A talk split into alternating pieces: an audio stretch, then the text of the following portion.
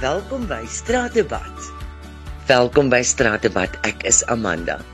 Herman het ons vertel van die enorme tatoe wat sy sien op sy rug aangebring het. Nog van ons luisteraars het hulle opinie gelig. Hierdie is Sarita se mening.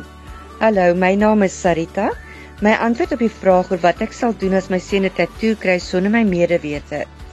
Hy het dit mos nou klaar gedoen. Niks wat ek nou daaraan kan doen nie. Die groot ding hier is, hoekom het jou kind jou nie vertrou deur jou te vertel of dit te bespreek nie? Ek en my seun gesels baie en hy vertel my baie dinge wat vir hom vertroulik is. Hy sal nie sommer net so iets gaan doen sonder om eers met ma te praat nie. En jy verdos, hoe sou jy daaroor voel?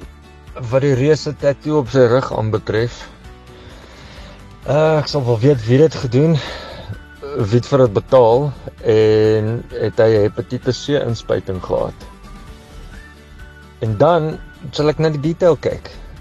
As dit 'n goeie tattoo is, vir hom sê hy knap gedaan nou maat. As dit 'n agterste voor bulldog is met akkedispote wat op 'n skateboard ry, gaan ek al lekker vir hom lag. En ek gaan die res van sy lewe vir hom lag. Frida Visagie deel ook haar mening met ons. O, genigtig, daai enorme tatoe op die kind se rug. Eerstens sal ek baie geskok wees want omdat ons as gesin baie daarteen is, maar jy kry mos nou maar die rebellie onder die kinders en dat sulke goeders doen sonder die ouers se toestemming. Ja, ek sal ons sal geskok wees. Ons het vir ons kind gesê jare terug al toe hy in hoërskool was, het ons gesê as jy enigstens 'n tatoe op jou sit word jy onterf. Maar ek dink nie dit sou so ver gegaan het nie. Maar ja, ehm um, nee. Ek sal nie daarvan hou nie, maar wat gaan jy doen? As dit gedoen is, is dit gedoen.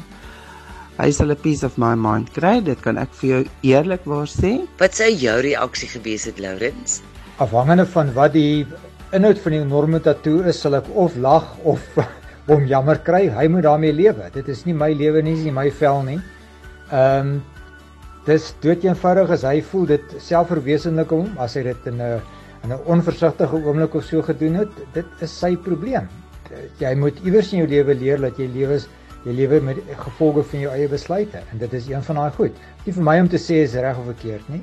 Dis nie my selfbeeld wat daardeur aangetast word nie.